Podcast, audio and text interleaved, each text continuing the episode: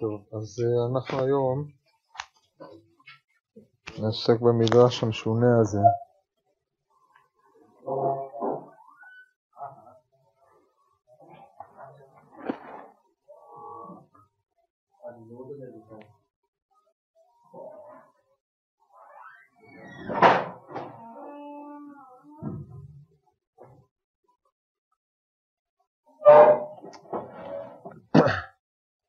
המדרש שאנחנו נדבר עליו היום מופיע בשני מקורות. קדומים שהם פחות או יותר מקבילים זה לזה. המקור הראשון זה ירושלמי במסכת תרומות פרק ח', הסיפור האחרון, יש שם כמה סיפורים, זה הסיפור האחרון שמופיע שם, והמקבילה שלו מופיע בבראשית רבה פרשה ס"ג על הפסוק ויצא הראשון אדמוני כולו כאדרת שיער. שני המדרשים הללו דומים מאוד זה לזה, זה ודאי אותו סיפור, אלא שיש הבדל פרטים בין מה שמופיע בירושלמי לבין מה שמופיע בבראשית רבה, שגם ההבדלים הללו הם אה, די אה, לא כאלה משמעותיים, אבל כשאנחנו באים לשאול אמ, אנחנו יכולים כמובן ללמוד את המדרשים זה מזה או להסתייע ממה שלא נאמר פה על מה שנאמר פה, מה שנאמר פה על מה שנאמר פה, אבל כשאנחנו מחפשים את העיצוב היותר אה, שלם, אז בהקשר שלנו המדרש בירושלמי תרומות, הוא, או הסיפור בירושלמי תרומות הוא יותר מגובש, התוספות שיש בבראשית רבה הן אה, שוברות את המבנה שלו קצת, אז אבל אנחנו נלמד את ה... נסתייע הרבה בראשית רבה בשביל להשלים אילו פערים שחסרים בסיפור בירושלמי תרומות. הקשר בין הסיפור הזה בירושלמי והקשר בינו, למה הוא הובא בירושלמי שם ולמה אמ, הוא הובא בראשית רבה זה מסיבות שונות לחלוטין, כמובן מפני שההקשרים שונים. בירושלמי הגמרא שם עוסקת ב, בסוגיה של אה, מסירת ישראל לגוי, אם הוא נתחייב איתה כשבע בן בכרי, כל המחלוקת המפורסמת בין ריש לקיש לרבי יוחנן, שהם בסוף אה, ירושלמי תרומות, ואז באות סדרה של סיפורים, באה סדרה של סיפורים על אה, יהודים שנתפסו בשבי וכיוצא בזה. הסיפור שלפני זה הוא סיפור על מישהו ש... נשבע במלכה לעגה לו שאלוהים יעשה להם ניסים, ואכן נעשה לו נס והוא ניצל מיד המלכה הרומית שם. ואז הגמרא מביאה את הסיפור הזה וסומכת אותו בשל הנס שנעשה גם להם.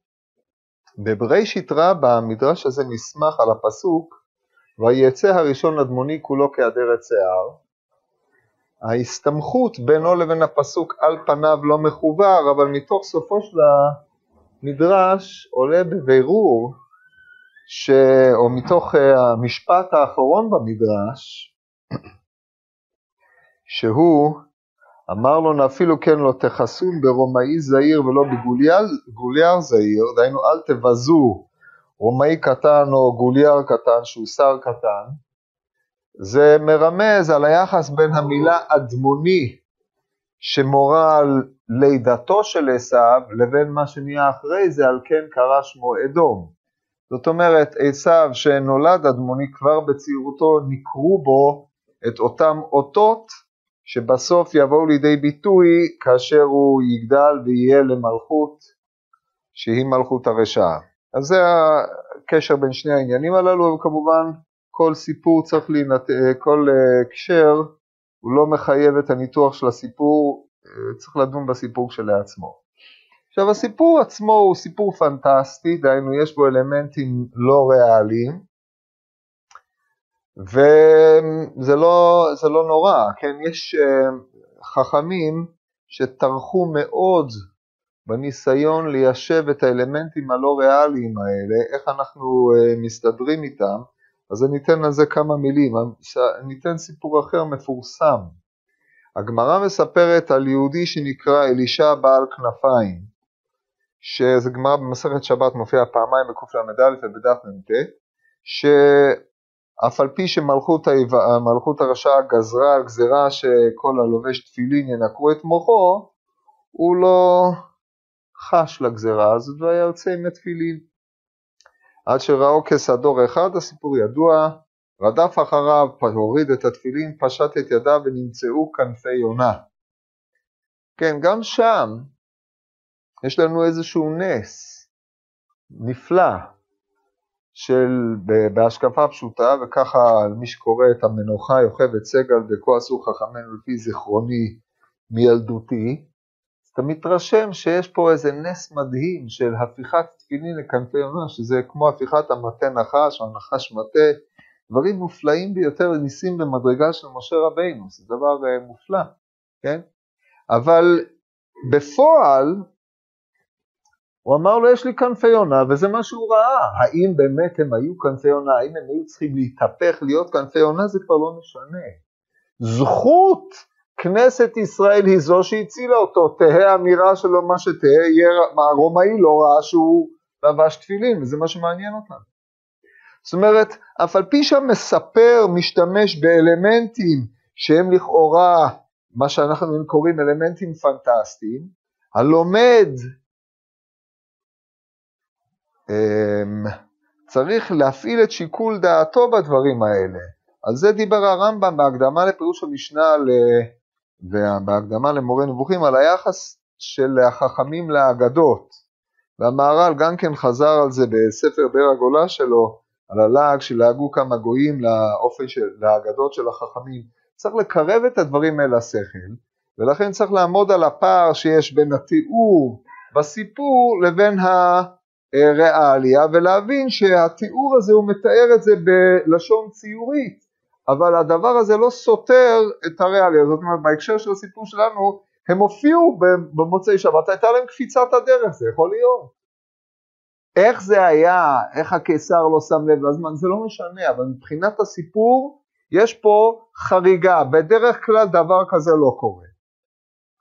כל זה אני אומר רק כדי שאנחנו אה, לא נקשה כל הזמן על האלמנטים הפנטסטיים להוציא את הסיפור הזה לאיזו דרשנות מופלגת ורחוקה, כי יש פה איזשהו מסר שאנחנו צריכים אה, לחקור, אבל בגדול יש גם עוד עניינים שהם אה, נסתרים מאיתנו בצורת ההתנהלות שהייתה בין החכמים אז, הניסים שנעשו לחכמי ישראל על ימין ועל שמאל כאשר הם היו תחת אה, מלכות הרשעה, הם, היו כל מיני הם, שליחים שהקדוש ברוך הוא שלח שסייעו להם בכל העניין הזה. המדרש מתבטא בלשון של שדים או בלשון של מזיקים ובדברים האלה, אבל הם, זה הצורה שבו החכמים ראו את ההתנהלות הזאת, מה היה שם בפועל אם בא איזה מישהו הסיע אותם, הקפיץ אותם, זה לא משנה לנו. אנחנו אה, אה, רואים שיש פה איזושהי חריגה, היה פה איזשהו אה, אירוע שהוא יוצא מגדר הרגיל, על דרך הטבע הפשוט הדבר הזה לא אירע. כמו שאומרת הגמורה במסכת יבמות בקט"ז, הגמרא במסכת מכות, בדף ה', שניים אומרים במזרח בירה הרג את הנפש, או בבבל הרג את הנפש ובאו עדים ואמרו שהם היו בירושלים באותו יום בזמן זה וזה מרגתם הניחוש לגמרי הפרחה כמשמלן וכמשמלן שאנחנו לא חוששים לגמרי הפרחה אבל יש אפשרות שתהיה גם לפרחה כזאת. יש מישהו שלא יודע על מה אני מדבר? גמרא במכות, מי שלא יודע אז תבדקו. כמה שמונה שלא חוששים, ואז לא מצילים. לא, לא סביר שהעדים, לא סביר, אז הם מעמידים את העד כעד זומם. אבל יכול להיות שזה כן קרה, נכון? אני מדבר על הצד שזה קרה, כיוון שזה כל כך רחוק, לא חוששים לו. ברור, זה בדיוק הטענה. טוב, אז אני רואה שאתה יודע את הגמרא הזאת, זה בסדר, רבי ואמות זה מקבילה של זה. כבר טוב, זוכר מאז.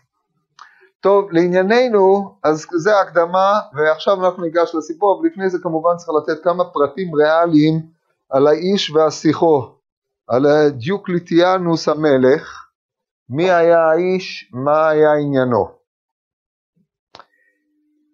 אה, ואנחנו נספר את זה מנקודת ראות תלמודית, כן, מלבד אה, ההיבטים ההיסטוריים של תולדות הקיסרות הרומית, היא לא מעניינת אותי כל כך, רק צריך לדעת שהדיקליטיאנוס הקיסר הזה, הוא היה בזמן שהקיסרות הרומית הייתה בהתדרדרות, דהיינו לפני ש... הוא הקיסר האחרון לפני שהקיסרות הרומית קיבלה עליה את הנצרות כדת הרשמית בזמנו של קונסטנטינוס, והוא אמ, לחם עם הפרסים, ובזמנו הקיסרות כמו שאמרנו הייתה בירידה והיה להם משבר כלכלי עצום. הקיסר הזה ערך רפורמות כלכליות משמעותיות בכל הממלכה, ומה שנוגע לארץ ישראל זה כלול בהפקעת קרקעות, מיסוי יתר על הקרקעות ומיסוי גולגולת גבוה מאוד. שני אנקדוטות שתי אנקדוטות אנחנו נספר בעניין הזה, ידוע הסיפור שהטילו מס על אנשי טבריה בזמנו של רבי, זה רבי יהודה הנשיאה, כי רבי לא ישב בטבריה. הטילו מס על אנשי טבריה, תלמידי החכמים סרפו, סרבו לשלם את המס. ובסוף מה קרה? כולם ברחו, נשאר כובס אחד, נפל עליו כל המס, גם הוא ברח והתבטלה הגזרה. זה היה בתקופתו של דיוקלטיאנוס, בזמנו של רבי יהודה הנשיאה. כיוצא בדבר הזה אנחנו יודעים שבזמנם כנסו את החקלאים לשלם מיסים רבים ביותר, התירו אז בזמנם לזרוע בשביעית, זה מימר דרבי ינאי במסכת סנהדרין, בדף כ"ו, פוקו וזירו בשביעית מפני ארנונה. והיו עוד אי אילו אירועים עם הקיסר הזה. אמ, הגמרא אומרת במסכת עבודה זרה שבזמנו הוא הטיל חובה על כל יושבי ארץ ישראל לנסח לעבודה זרה חוץ מן היהודים ועל ידי הניסוך הזה הכותים שניסחו איבדו את המעמד שלהם כגרים למחצה לשליש ולרביע ונקבעו כעובדי עבודה זרה. הגמרא דנה שם במסכת עבודה זרה וגם במסכת תרומות, באותו פרק קודם לכן, אה, בשאלה מה גרם לכותים, הרי למשנה הכותים הם אה, גרי אמת, כן, מחלוקת רבי מאיר ורבי נחמיה, סתמא דמתניתין הכותים גרי אמת, זה המשנה במסכת ברכות עם פירוש המשנה לרמב"ם שם, בבבלי במסכת חולין אנחנו יודעים שהוציאו אותם בגלל שמצאו יונה בהר גריזים. בירושלמי יש רשימת סיבות לזה שהוציאו אותם הסיבה האחרונה היא שמצאו להם יון בהר גריזים. אבל כבר קודם לכן הגמרא אומרת שבזמנו של דיוקליטיאנוס הם ניסחו נסך לעבודה זרה, רק חיפשו תירוץ כנראה ואמרו להם טוב אתם גויים לכל דבר. אז זה עוד אה, אירוע שבזמנו. עוד סיפור מפורסם על דיוקליטיאנוס הוא הגיע למקום שנקרא פמיאס. פמיאס היא בניאס דהיום, אזור דן לשם. מסתבר שהיא הייתה עיר, עיר רומית שקראו לה קיסריה דיופילי. היא הייתה שייכת אה, לממלכה הפיניקית. בקיצור, הרומאים באו וחידשו שם מה שחידשו, בנו שם ארמון גדול, והקיסר, כאשר הוא היה מעבר מפה להילחם עם הסיסנים או עם הפרסים, אז הוא חנה בארץ ישראל והזיק מה שהזיק, אז הוא ישב בפניאס, הוא הטיל מס על פניאס. באו האנשים, אמרו, אנחנו לא מוכנים, קמו, קמו אמרו אנחנו עוזבים את העיר. אמר לו היועץ, גם אם הם יעזבו הם יחזרו. עשה הקיסר ניסיון, לקח צבאים, וציפה את קרניהם כסף. כל זה זה ירושלמי שביעי, פרק ט', הלכה ב'. ציפה את הקרניים שלהם כסף ושלח אותם לאפריקה.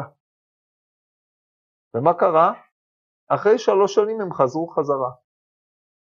אתה רואה?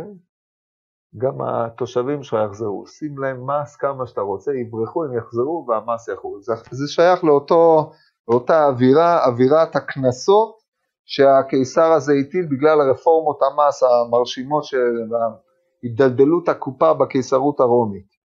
טוב, עכשיו שנתנו את כל המבוא הזה, צדיק הדור והדורו הוא לא היה, הוא היה קיסר רשע.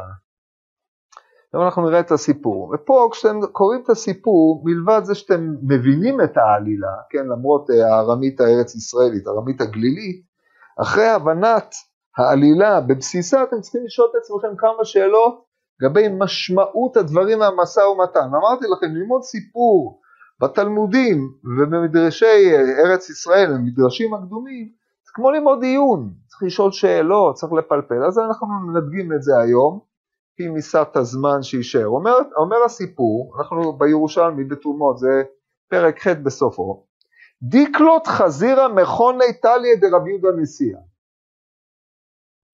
דיקלות חזירה, דיקלות, זה מילה יוונית, מביא אותה תיאודור שם בהערות, שהיא פירושה, דיקלות חזירה פירושו של דבר האדם המבוזה. עכשיו, כפי שאנחנו רואים בירושלים, בראשית רבה, הוא היה רועה חזירים, תינוקות של בית רבן, של רבי יהודה נשיאה, היו הולכים ומכים את הרועה החזירים הזה. וכנראה בידיעתו הברורה של רבי יהודה נשיאה. שהרי כתוב תליי דרבי יהודה נשיאה מכוני. אה? ברור, ברור. למה? אז התשובה היא פשוטה, לא מגדלים חזירים בארץ ישראל. לא עושים את זה. למה אני צריך לשמוע את עצמי? זה אתה? לא מגדלים חזירים בארץ ישראל. החזיר זה סימן, זה, זה אנטי ל, ליהודים, הם לא מגדלים אותם פה, ולכן הם היכו אותו, הוא לא שייך פה.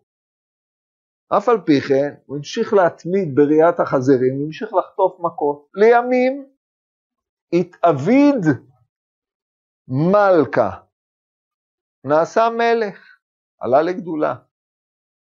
נחת לפמיאס, ירד לפמיאס, כן, הסיפור מקצר, אין לנו עניין ממש בתולדות הקיסרות ומה שקרה איתו, אבל הוא הגיע לארץ ישראל, ישב בפמיאס, שם היה הארמון שלו, זה אמרתי לכם, נקרא קיסריה דיופילי, יש שני קיסריה, אז זה נקרא קיסריה דיופילי, אז הוא ישב שם באותו מקום, שלח כתבין ביתר רבנן, תהבון גבאי במפקי שובתא מיד. עכשיו פה צריך לשים לב, כשאנחנו דנים ביחס בין המדרשים, אתם צריכים לקרוא את שני המדרשים ולדון על היחסים ביניהם, פה הנוסח של הירושלמי הוא נוסח עדיף בוודאי, כי כל אחד יודע שהמרחק בין טבריה לפמיאס או לבניאס הוא מרחק uh, של משהו בסדר גודל של 3-4 שעות למי שרוכב על סוס. כן, מי שטייל בצפון יודע את זה, זה אזור דן, יש שם חפירות באזור הזה. מי שטייל בדן, שמורת דן, ודאי ראה את זה, כן, זה הארמון שלו הפך, בזמן, הביזנטי, בזמן הביזנטים עשו ממנו מרחצאות, אני לא יודע, אני הייתי שם. אני מניח שמי שתהיה בצפון גם היה שם, כן. בשמורת דן נראה לי. בכל מקרה, זה לא כזה רחוק מטבריה, סדר גודל של אה, נניח 4-5 שעות הליכה. למה אני אומר את זה? כי בבראשית רבה כתוב שהם היו צריכים להתייצב שם ביום ראשון בבוקר. עכשיו, מיציאת השבת עד יום ראשון בבוקר, יש מספיק זמן כדי להגיע, אם אתה לוקח מרכבה וסוס, מדובר פה ברבי יהודה נשיאה, כן? אבל אם אתה צריך להתייצב במוצאי שבת מיד, אתה לא יכול להתייצב. אין לך סיכוי, אלא אם כן נוסע בשבת. טוב, אמר לו לשליח, לא תיתן לאון כתבין אלא בערובתא עם ממית מאי שמשה, דהיינו אל תיתן להם את הכתבים, אלא סמוך לשקיעת החמה של ערב שבת. מה לא? אם הוא נותן להם את הכתבים בבוקר, היו באים. נתן להם את הכתבים אם סמוך לשקיעה, הם תקועים. נדבר על התקיעה הזאת עוד מעט, כל החשבונות הפנימיים. ואת השליח גבהון בערובתא עם מיתמי שמשה, ואכן כך עשה השליח. והווה רבי יהודה נשיאה ורב שמואל בר נחמן נחתים למסחי בדימוסין דטבריה, הם ירדו לרחוץ במרחצאות של טבריה. שהרי רבי יהודה נשיאה העתיק את מקום הנשיאות לטבריה. זה עירו של רבי יהודה הנשיאה. ערב שבת, כידוע לכם, יש מצווה לרחוץ לכבוד שבת קודש. אז הם עכשיו נר, נר, יורדים לרחוץ, מגיע אליהם המכתב כאשר הם נכנסים בסמוך למרחץ, רוחצים סמוך לשבת.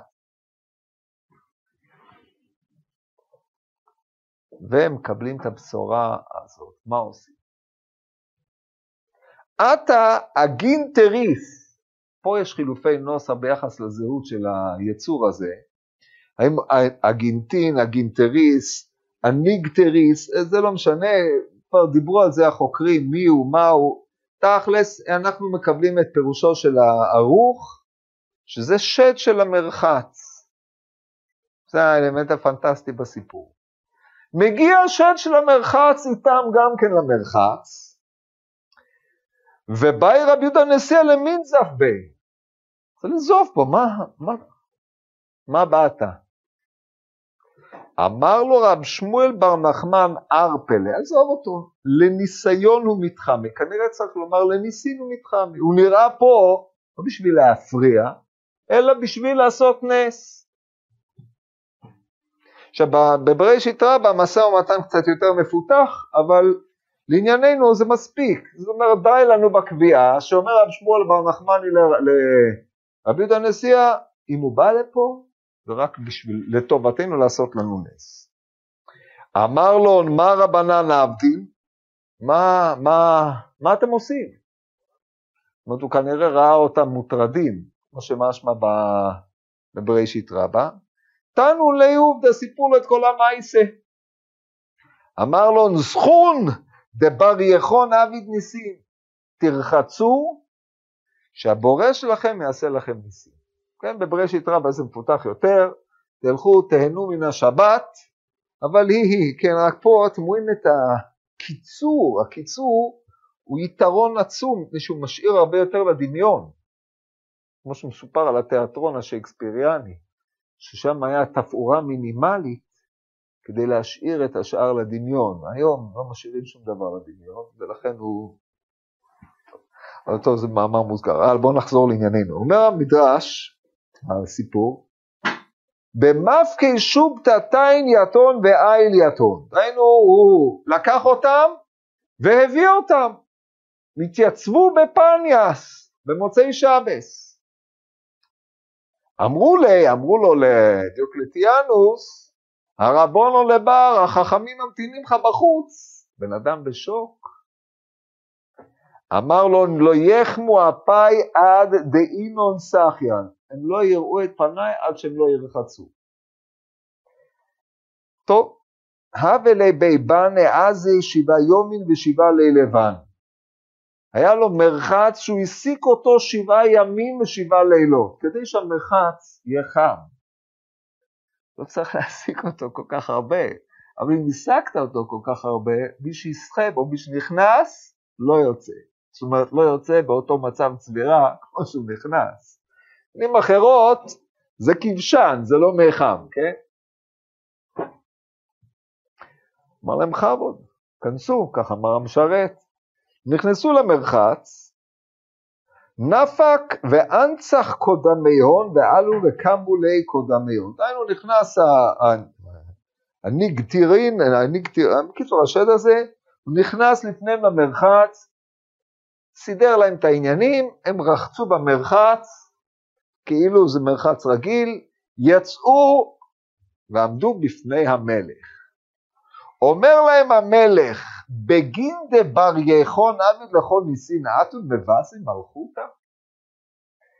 בגלל שאלוקיכם עושה לכם ניסים, אתם מבזים, פה לפי התרגום המילולי צריך להיות מלכות. לפי בראשית רבה, וגם לפי התשובה שלהם, אתם מבזים את המלך? השאלה הזאת היא תמוהה ביותר, כמו שקל לראות כבר. עונים לו תשובה דיפלומטית יוצאת מגדר הרגיל. אמרו לו דיקלות חזירה בזינן, דיקליטיאנוס מלכה לא בזינן. מה הקושייה? אומר להם, זה תירוץ, לא חשבתי על האפשרות הזאת. אף על פי כן הוא אומר להם, אפילו כן לא מכסה לא ברומי זעיר ולא בחבר זעיר. חבר, יש פה בעיה בתרגום, מכסי הכוונה, אל תבזו, לא רומאי קטן ולא חבר, פרסי קטן, לא משנה, יהיה מישהו קטן שלא יהיה, כי סוף הקטן לגדול, כן?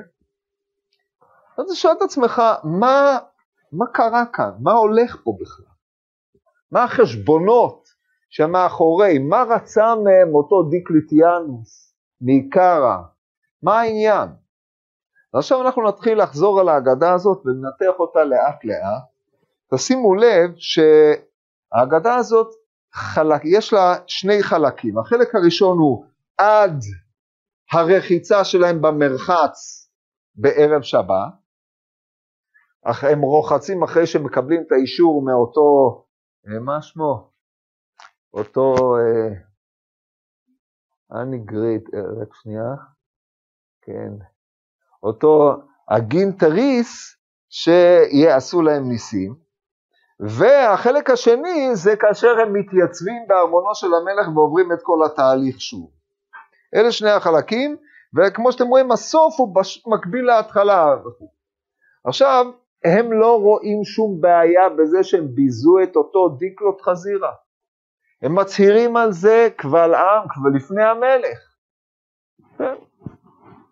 אתה לא הוא, אתה המלך, רואה חזירים, ורואה חזירים בעינינו בזוי. במאמר מוסגר, ידוע שרומי נמשלה לחזיר, נאמר יכרסמנה חזיר מיער. יוצא שבעצם רואה החזירים הזה פשוט נשאר רואה חזירים, כן, רק הוא עבר במקום לראות חזירים ממש, הוא הפך להיות מלך ש, שנקרא מלכות המדומה לחזיר, כן, שהיא מתדמה כמלכות צדקת, אבל היא מלכות הרשעה, כמו שכתוב במדרש על הפסוק, אמ, ויהי עשה בן ארבעים שנה, ובקיצור הוא לקח אה, את יהודית ברברית, תסתכלו שם על המדרש בבראשית רבה, בפרשה ס"ה דומני על יחסם מלך חזיר מיער, מה המשמעם של דברים. טוב, אז זה ה... אמ, המקבילה הזאת. עכשיו, לגופו של עניין, מה קרה כאן? הוא שולח להם שני כתבים, בשביל מה הוא עושה? הוא שולח להם את הכתב הזה, בשביל מה הוא עושה את זה? ברור שהוא מבקש תואנה. התואנה שהוא מבקש, שאתם ביזיתם אותי, אני...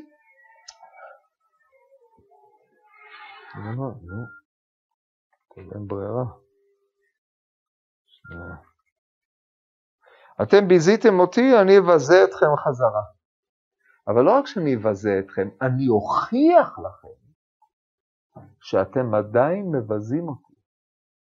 וכיוון שאתם עדיין עומדים בביזיונכם, אתם תיענשו. זאת אומרת, מה עושה הקיסר? זה השתמשות בתואנה, מידה כנגד מידה. אני בתור רואה חזירים אומר לא הייתה לי, אני הייתי כפוי על הביזיון כאשר ראיתי חזירים באזור שלכם, ביזיתם אותי, הכיתם אותי באשר הייתי מי שאני. אני אראה שאתם ממשיכים לבזות את המלך. אתם מחזיקים בדיוק באותו קו. ובגלל זה תיענשו. עכשיו, כיוון שאי אפשר להראות את זה, יש רק דרך אחת. הוא ייתן, ייתן להם הוראה והם לא יקיימו אותה מפני שהם יעדיפו משהו אחר. מה הוא עושה? הוא שולח להם מכתב שהם חייבים להתייצב במוצאי שבת מיד, באופן שהם לא יוכלו אלא אם יחללו את השבת, אבל הם בוודאי לא יחללו את השבת, ולכן הם לא יוכלו להתייצב במוצאי שבת. כיוון שהם לא יתייצבו במוצאי שבת אלא יבואו למחרת היום, הרי שהם ביזו את ציוויו של המלך מפני שהם העדיפו את ציוויו של הקדוש ברוך הוא. או בניסוח יותר מדויק, הם העדיפו את שבת המלך, ככה הרי שבת נקראת ברמב"ם, כן?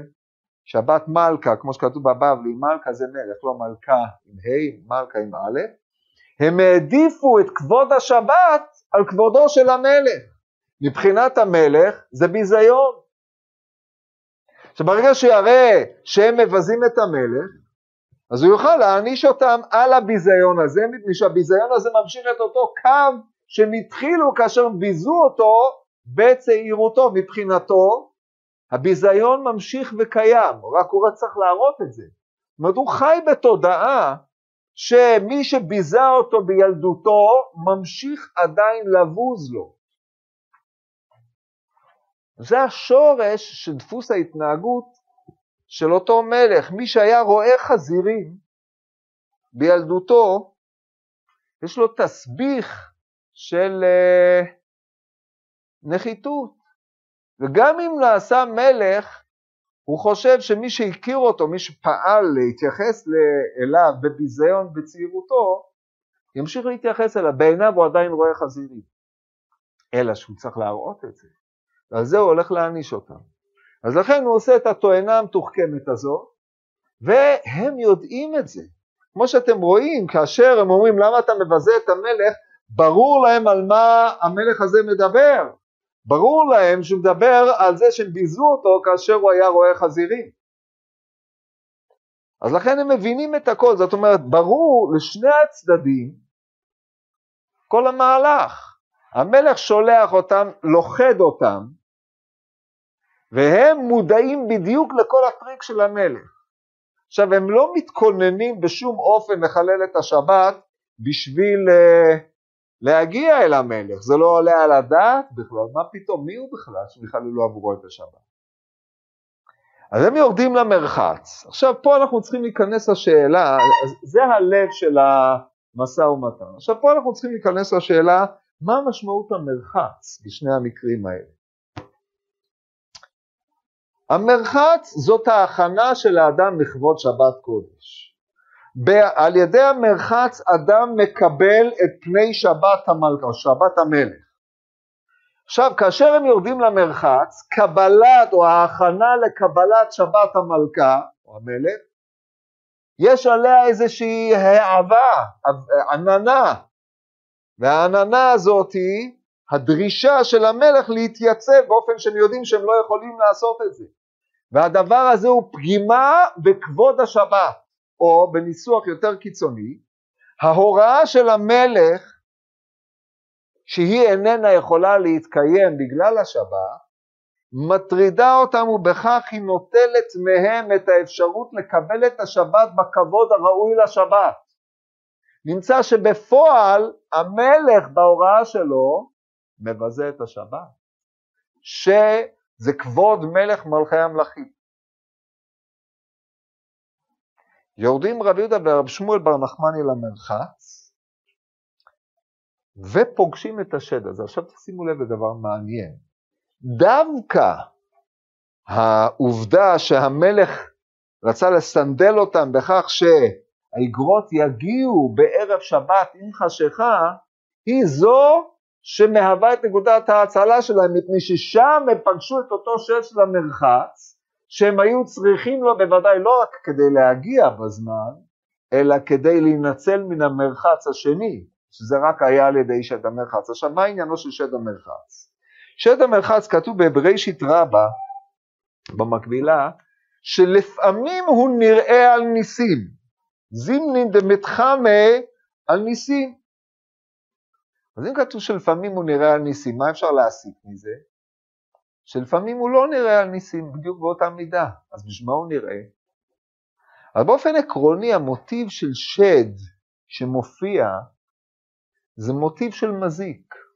אומר הרמב"ם במורה נבוכים, על, בפרק דומני א' ז', כתוב שכל 130 שנה שהיה אדם נזוף, זה מופיע בבראשית רבה, היה מוליד שדים ורוחים. שד, מי שלא שלמה בו הצורה האנושית, הוא מזיק. שדים יהודאים זה מוטיב אה, שפותח בחסידות, אבל לענייננו, שד זה ביטוי של מזיק. אם כן, כאשר הם פוגשים את אותו שד שמגחך עליהם בערב שבת בזמן שהם באים למרחץ, רבי יהודה נשיאה רואה את הדבר הזה כמי שבאים, אה, כמי שלועג לצרה שלהם לפני שבת, אומר רב שמואל בר נחמני, אל תראה את זה ככה. לא בא ללעוג. לפעמים הוא נראה פה מפני שהקדוש ברוך הוא שולח אותו כדי שיעשה נס. זאת אומרת, אדרבה, אותו שד שמזיק במרחץ, יש לו פנים אחרות, הוא תמיד יזיק, אבל השאלה למי הוא יזיק? האם הוא יזיק לרוחץ, או שיזיק למישהו אחר, אנחנו יודעים למי הוא הזיק, כן, בדיעבד, בהמשך הסיפור, התוכנית של, של הדיקליטיאנוס הזה לא הצליחה בגלל אותו שד. אני רוצה שנקודת המפגש של מרחץ, ערב שבת עם חשיכה ושד, הם עצמם הופכים להיות נקודת ההצלה שלהם ביחס למה שיקרה כאשר יבוא לדיקליטיאנוס, כי הרי הוא ודאי התכונן להכניס אותם למרחץ הזה אם הוא מחמם אותו במשך שבעה ימים, הרי לא, לא מחממים מרחץ עם שבעה ימים, אלא אם כן יש בדעתך להשתמש בו. בנקודה הזאת הנוסח של הירושלמי עדיף, מפני שבנוסח של בראשית רבה משמע שאחרי שהם עלו על החומה, בקיצור לא הצליחו לעצור אותם אז הוא ציווה לחמם את המרחץ שלושה ימים, זאת אומרת הם בילו בפמיאס שלושה ימים עד שנכנסו למרחץ, כן, שזה לא כל כך טוב. כאן התוכנית ברורה, המלך מתכונן להכניס אותם לתוך המרחץ הזה, זה ברור. אז יצא שהכל מוכן מראש, כיוון שהכל מוכן מראש הם זקוקים לאותה הצלה של אותו השם. זה המעשה. כן.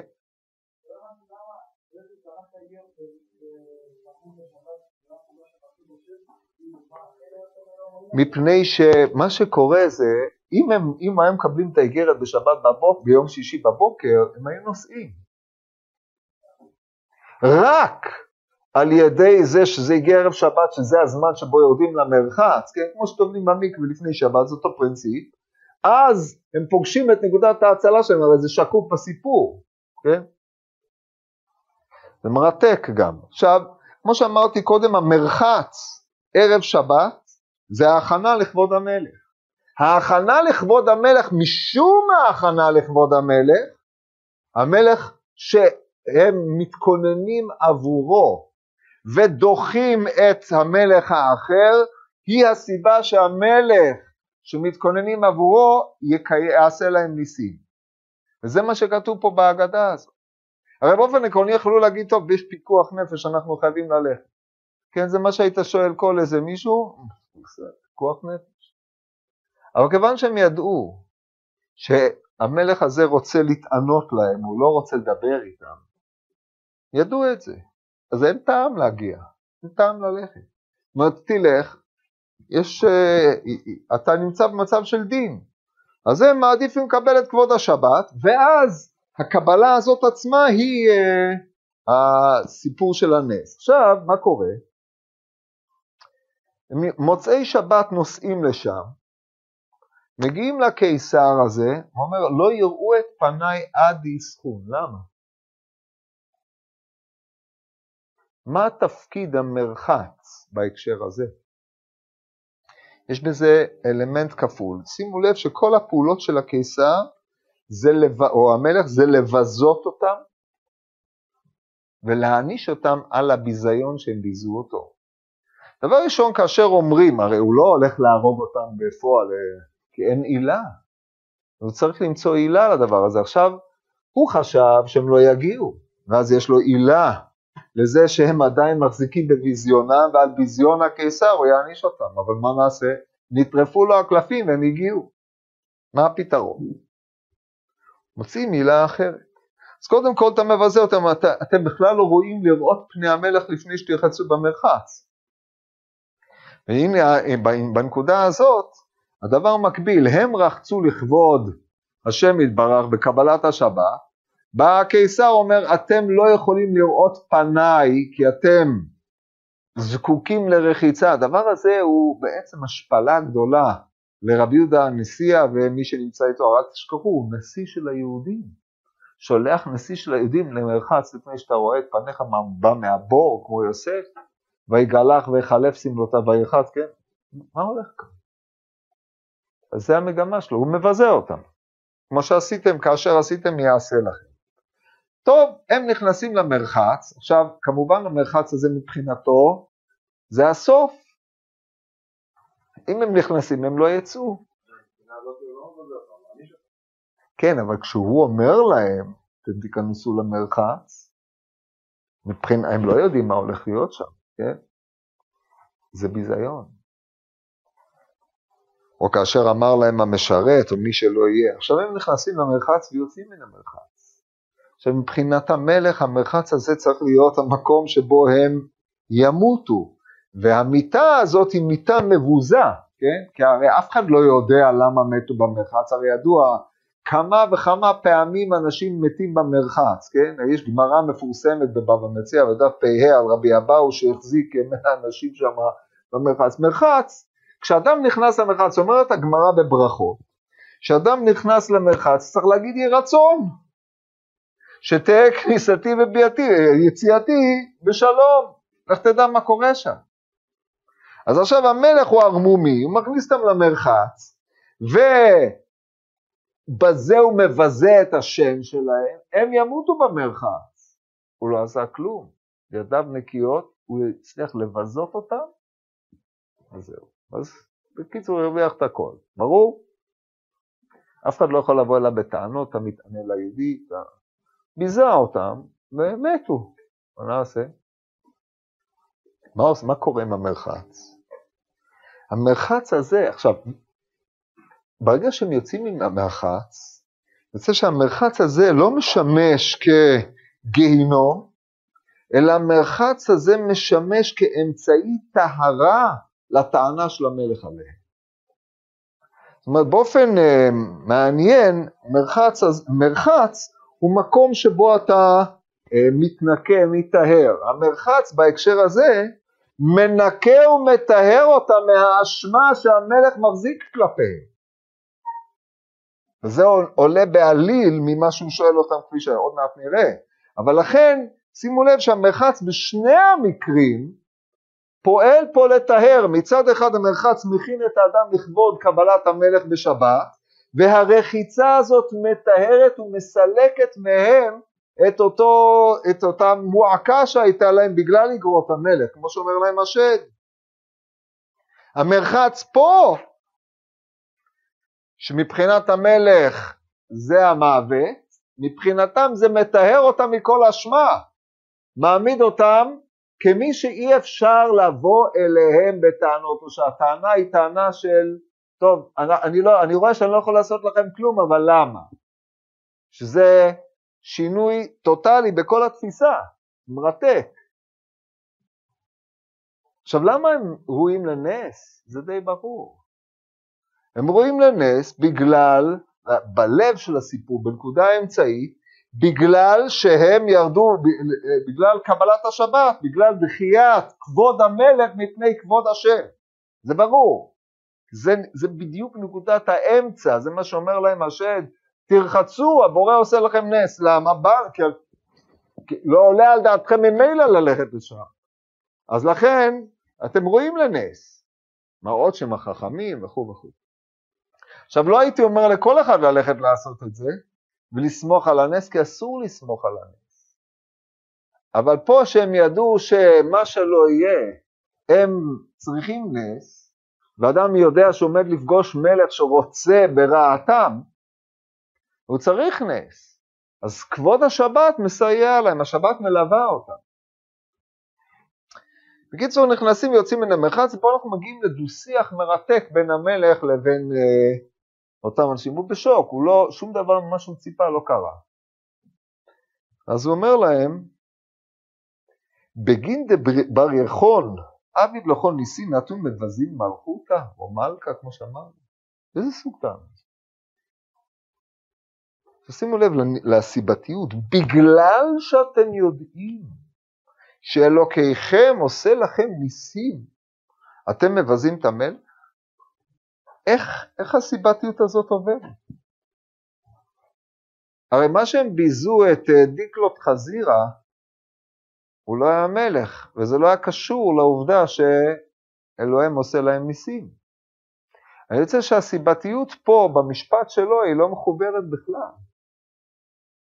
ברור, הבעיה, זו בעיה חמורה מאוד. לגופו של עניין, אתם מבזים את המלך, פירושו של דבר שהידיעה שאני הייתי רואה חזירים ועליתי לגדולה, מבחינתכם אני עדיין רואה חזירים.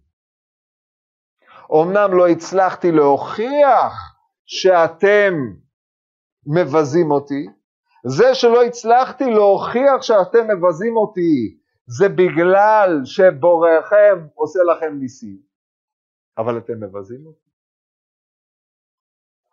זה הטענה. זאת אומרת, אם בוראכם לא היה עושה לכם ניסים, לא הייתם מבזים אותי כי מה היה?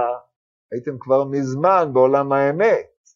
אבל כיוון שבוראכם עושה לכם ניסים, אתם בעצם לועגים. לא אני לא יכול לעשות לכם כלום, ואתם, כשעומדים מולי, אתם כביכול רואים בעיני רוחכם את רואי החזירים, הראוי לביזיון. זה צורת ההסתכלות שלו. ואיך אנחנו יודעים שזו צורת ההסתכלות? כי הם גם הבינו את זה, וכשהם עונים לו, הם עונים לו תשובה אה, אחרת, תשובה שמתייחסת לצורת הקביעה הזאת.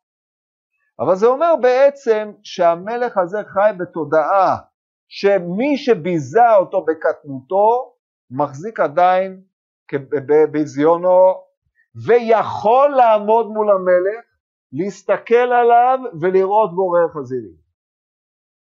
זה מה שהוא אומר.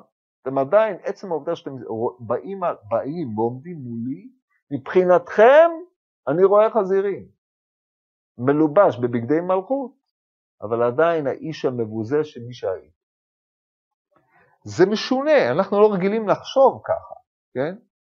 אבל מי שחי עם אה, רגשי נחיתות, של אה, קטן שעלה לגדולה, ככה הוא חי. עכשיו יש סיפורים מקבילים לזה על אדם שהיה עני ועלה לגדולה, ולעולם זכר את ימי עוניו ומרודו, והיה ענה ועשה אמ, טוב לכל האנשים המסכנים, כי הוא הכיר בסבלם.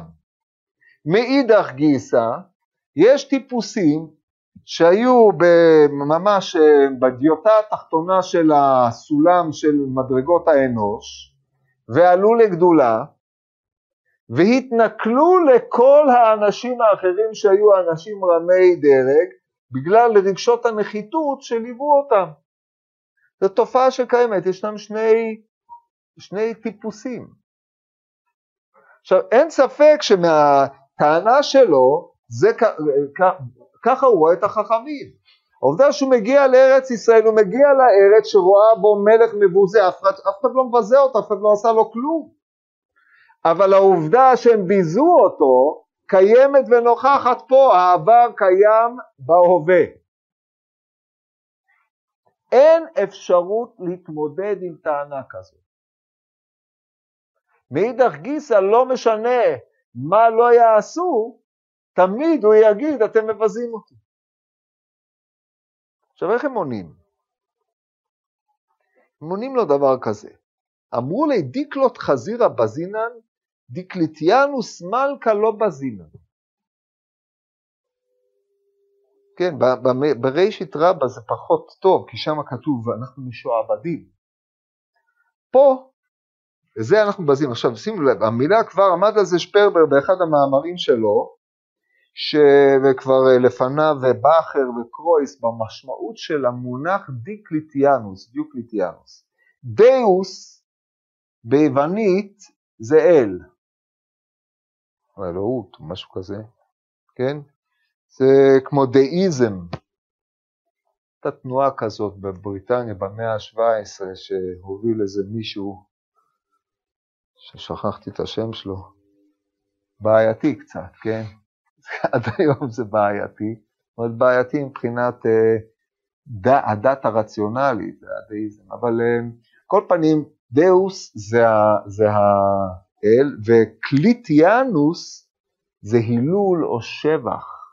עם שבח האל. אז השם שלו, דיקליטיאנוס, זה שם שכל עצמו אומר הלל ושבח, כן? אז ואילו דיקלוט חזירא, חזירא זה תואר השם לוואי למילה דיקלוט שמתאר את טיבו של השם הזה, של שם ביזיון. דהיינו, את האדם המבוזה, הנקרא דיקלוט, שהוא אה, שייך לרועי החזירים חזירא, אותם, אותו ביזינו. כי שמו מעיד עליו שהוא מבוזה. את דיקליטיאנוס המלך, מפאר האל, וכו' וכו', אותו אנחנו ביזינו, אותו אנחנו מכבדים. ככה הם עונים. במילים אחרות, הכל תלוי, מה אתה עושה? אם אתה רואה חזירים, הפעולה הזאת ראויה לביזיון, ולכן מבזים אותך.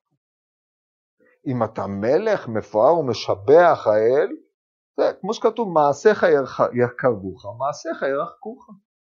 האישיות העומדת מאחורי הלבוש לא מעניינת אותנו כהוא זה.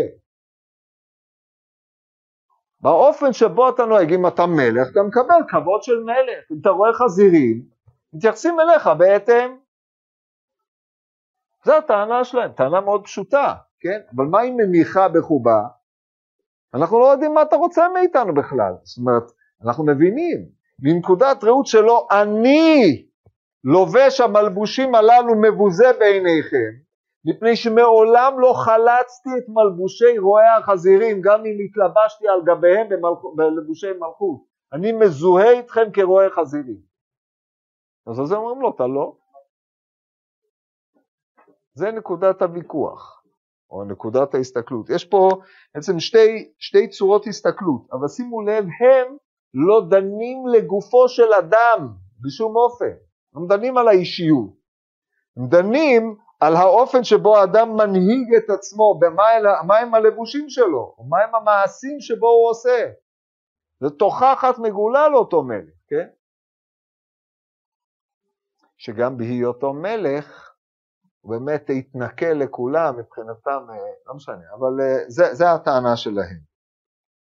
יוצא שהוא כשהוא מזמין אותם, הוא עדיין, ופה שימו לב, הוא כשהוא מזמין אותם, הוא עדיין חי, כמו שאמרנו, בתודעה של רועה חזירים, מבחינתם, והוא מזוהה עם העובדה שהוא היה ראוי לביזיון באותו זמן. זה הדבר המשונה. מפני שאם הוא לא חושב שהוא היה ראוי לביזיון, או שהייתה הצדקה לבזות אותו בתור רועה חזירים, הוא לא היה קורא לזה אתם ביזיתם את המלך, מבחינתו יש עדיין, הם רואים אותו עדיין כאותו אדם מבוזה, כן? אז הוא מבין שמבזים רועה חזירים, אבל אי אפשר להשתחרר מהיותך רועה חזירים, זה האופן שבו הוא רואה את החיים, טרגי.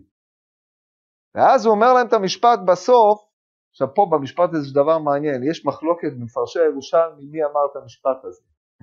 לפי אמר הפולדה, בעל הגמורי אמר את המשפט הזה. וזה כמובן לא נכון בגלל אה, בראשית רבה, ששם כתוב שהוא אמר את המשפט הזה, באמת ככה מפרשים פני מוישה והגר"א. הנפקמינה היא האם המשפט הזה נכון או שהוא יוצא מפי המלך. אם בעל הגמרא אמר את זה, זה נכון. אם הוא יוצא מפי המלך, אז הוא בערבון מוגבל, אולי בגלל שהוא מופיע בסוף הסיפור יש להתחשב בו, כעצה טוי וכמה שמלן, כן? אבל אה, מעבר לזה לא, הוא אומר אל תבזו רומאי קטן, כי לא תדעו בסוף מה יהיה, בסופו שיגדל, כן? וכיוון שסופו שיגדל הוא עדיין יראה את עצמו, הוא, הוא ינקום בכם על מה שהוא היה כאשר הוא היה רומאי קטן. אז אם עכשיו אנחנו באים לתת אה, סקירה כוללת של מה שקורה בסיפור, או סיכום כולל של מה שקורה בסיפור הזה, יש לנו פה פגישת תרבויות. מצד אחד, חכמי ישראל, שמה שמדריך אותם זה הנהגת התורה, וההוראה לתלמידים להכות את הרועי החזירים הזה, והמודעות של הביזיון שמבזים את רואי החזירים שאין לא יכירנו מקומו בארץ ישראל היא נכונה, הם עדיין מחזיקים בה, הם לא, לא חזרו מעצמם שום דבר. מאידך גיסא המודעות שלהם לעובדה שמלך ראוי לכבוד ובוודאי ובוודאי שאדם יכול לשנות, לחלוץ את מלבושי הביזיון וללבוש מלבושי כבוד, זה מה שעומד ביסוד התפיסה שלהם. כדרך שאדם יכול לחלוץ את מלבושי החול ולהתכונן לכבוד שבת קודש לקבל את פני שבת המלכה או שבת המלך, כך אדם יכול לשנות את הגישה שלו כלפי אדם מסוים ברגע שמשנה את המעמד שלו. הגישה של הקיסר הזה היא גישה תקועה, היא מלווה אותו. ונקודת ההתנגשות ביניהם היא זו שמעלה את הסיפור הזה, כמו שאמרנו, לפי הבראשית רבה, ויצא הראשון אדמוני והוא נשאר, נקרא אדום, כן, עשיו הוא אדום, אין הבדל בעצם בין האדמוניות שהוא נולד בה לבין uh, האדום שהוא נקרא אחר כך, זאת אומרת מה שהיה בצעירותו ממשיך עד זקנותו, וזה מורה לכם על התפיסה של הקיסר. לפי שיטת הירושלמי המגמה של הסיפור הזה זה על בר יחון עביד לכל ניסים. הקדוש ברוך הוא שומר על החכמים מפני התנכלויות של המלך. כמובן זה לא תמיד קרה, כמובן שהיו הרבה פעמים שאנשים מסרו את נפשם על קידוש השם, אבל היה פה מסירות נפש. והמסירות נפש שלהם על כבוד השבת, והטהרה שלהם לכבוד השבת היא זו שעמדה להם, וזאת הזכות שהייתה להם כאשר הם היו צריכים להתייצב בפני אותו קיסר. אז זה פחות או יותר מה שהעליתי מן הסיפור הזה, אם יש שאלות, אז עכשיו, כן.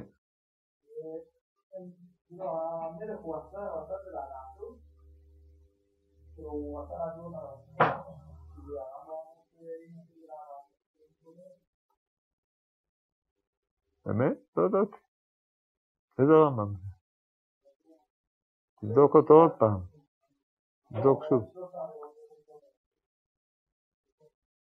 כן, אבל איזה שלושת העבירות? כן, זה לא. אתה אומר, הם היו צריכים לחלל שבת. טוב, אבל אם, כיוון שהם ידעו בסיפור הזה, שכל מה שהמלך רוצה זה לבזות אותם, אותו אינה הוא מבקש.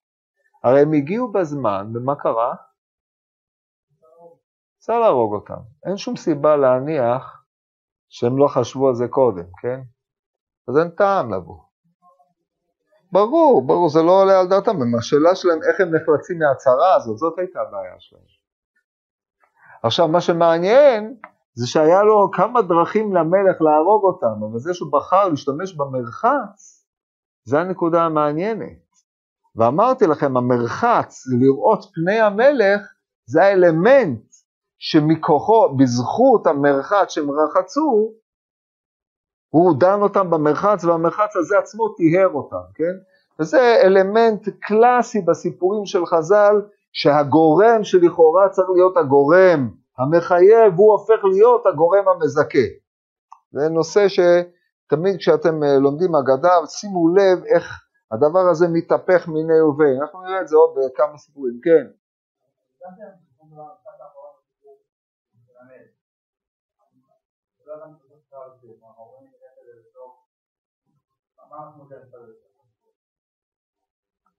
תראה, מבחינת, אה, אה, כמו שציינו המפרשים פה, זה כמו הגמר במסכת פסחים, כן? אז המשמעות של המשפט הזה היא, מבחינת המלך, אל תבזו רומאי קטן, כי גם הוא יכול, סופו שהוא יגדל, כן? מה מונח ביסוד התפיסה הזו? נפתח את זה טיפה, נאמר שהיותי רואה חזירים, הוא זה שהביא אותי למלכות. כן, במקביל הוא להבדיל אלפי הבדלות, ויקחני השם מאחר הנווה, ויקחה השם מאחר הנווה, מאחר הצאן, לראות בית עמי ישראל, כן, זה דוד המלך בשמואל ב' פרק ז'. אז הוא לקחו אותו מראיית החזירים לראות אה, משהו אחר, כן, את הגויים האלה שזה לא שונה בהרבה, כן? ככה חז"ל התייחסו למלכות הרשעה. אז רק שנייה אחת, ולכן הסיבתיות פה היא חזקה מאוד, כן? זאת אומרת, הרי זה שנהייתי קיסר זה רק מכוח עברי, בתור רועה חזירים. אבל אם זה בכוח עברי, כשאתם מבזים את, את השורש, אז לא השתנה שום דבר. כן? זה חוזר לכל התפיסה הפסיכולוגית שדיברנו עליה קודם, כן.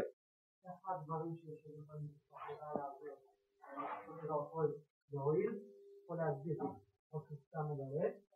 יהיה למונעה דברים במוצאי שבת, והם אומר רב שמואל בר נחמני, עזוב, בשביל מה הוא נראה? הוא לא אמור להיראות בבית המרחץ בערב שבת.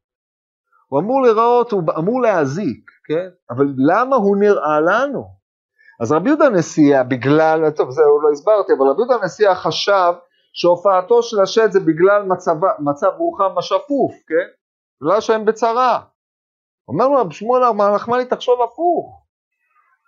הוא בא לחלץ אותנו מן הצרה, כי לפעמים, וזה החידוש, מה שמופיע בבראשית רבה, לפעמים הוא נראה על ניסים. זאת אומרת, הופעתו של שד בבית המרחץ בערב שבת זה אירוע, לא, זה לא אדיקוואטי, הוא לא מתאים. הוא לא אמור להיות פה. אז או להזיק, או להועיל. זה לא, הוא לא יושב שם סתם.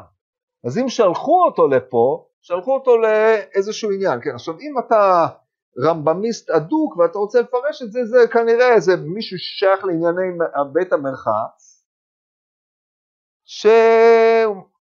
שקוראים לו מזיק, כן, הוא לא אמור להיות שם. יש הרבה פעמים, כמו שהקדמתי, המושג שד הוא אדם שנוהג באופנים אלו ואחרים. אבל זה לא משנה לענייננו, האופן שבו הצליחו להגיע וכל זה, זה פחות מעניין אותנו. הנקודה יותר, יכול להיות שהוא היה בלן בבית המרחץ, שהוא היה גוי או משהו כזה, או הוא אמר אני אטפל בכם, אני אעזור לכם. הקפיץ אותם לשם באיזשהו אופן כי אצלם התאחרו השעות, הם היו צריכים בלן במרחץ ההוא, אז הוא נכנס, בקיצור, שיחק את זה וטיפל בהם. יש, אפשר לה, להעמיד את זה על אה, אופן ריאלי, כן? אבל הנסיבות הן כל כך פנטסטיות, או צירוף המקרים הוא כל כך נדיר שזה עצמו נס, כן? אבל לא צריך, לא, אני לא טורח אה, לעשות את זה, זה פחות מעניין אותי. בכל מקרה, הופעה במקום לא, לא, שהוא לא אמור להיות, היא עצמו יכולה להיות לאחד משני אופנים. אז אומר רב שמואל המלחמני, זה הפירוש. הם הלכו עם זה. ואכן כך היה. כן, עוד שאלה? כן.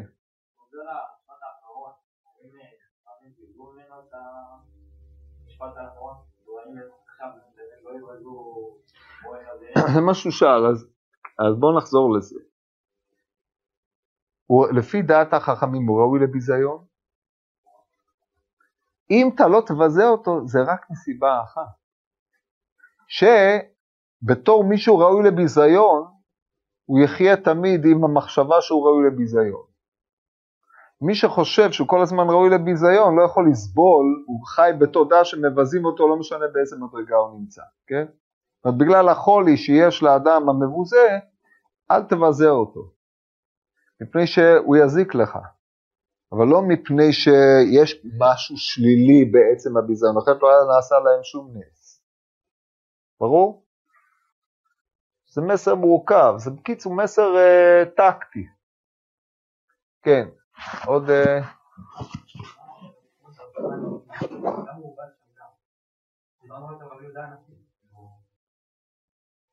הסיבה הפשוטה, אם רק רבי יהודה הנשיא היה שם לא היה קורה כלום.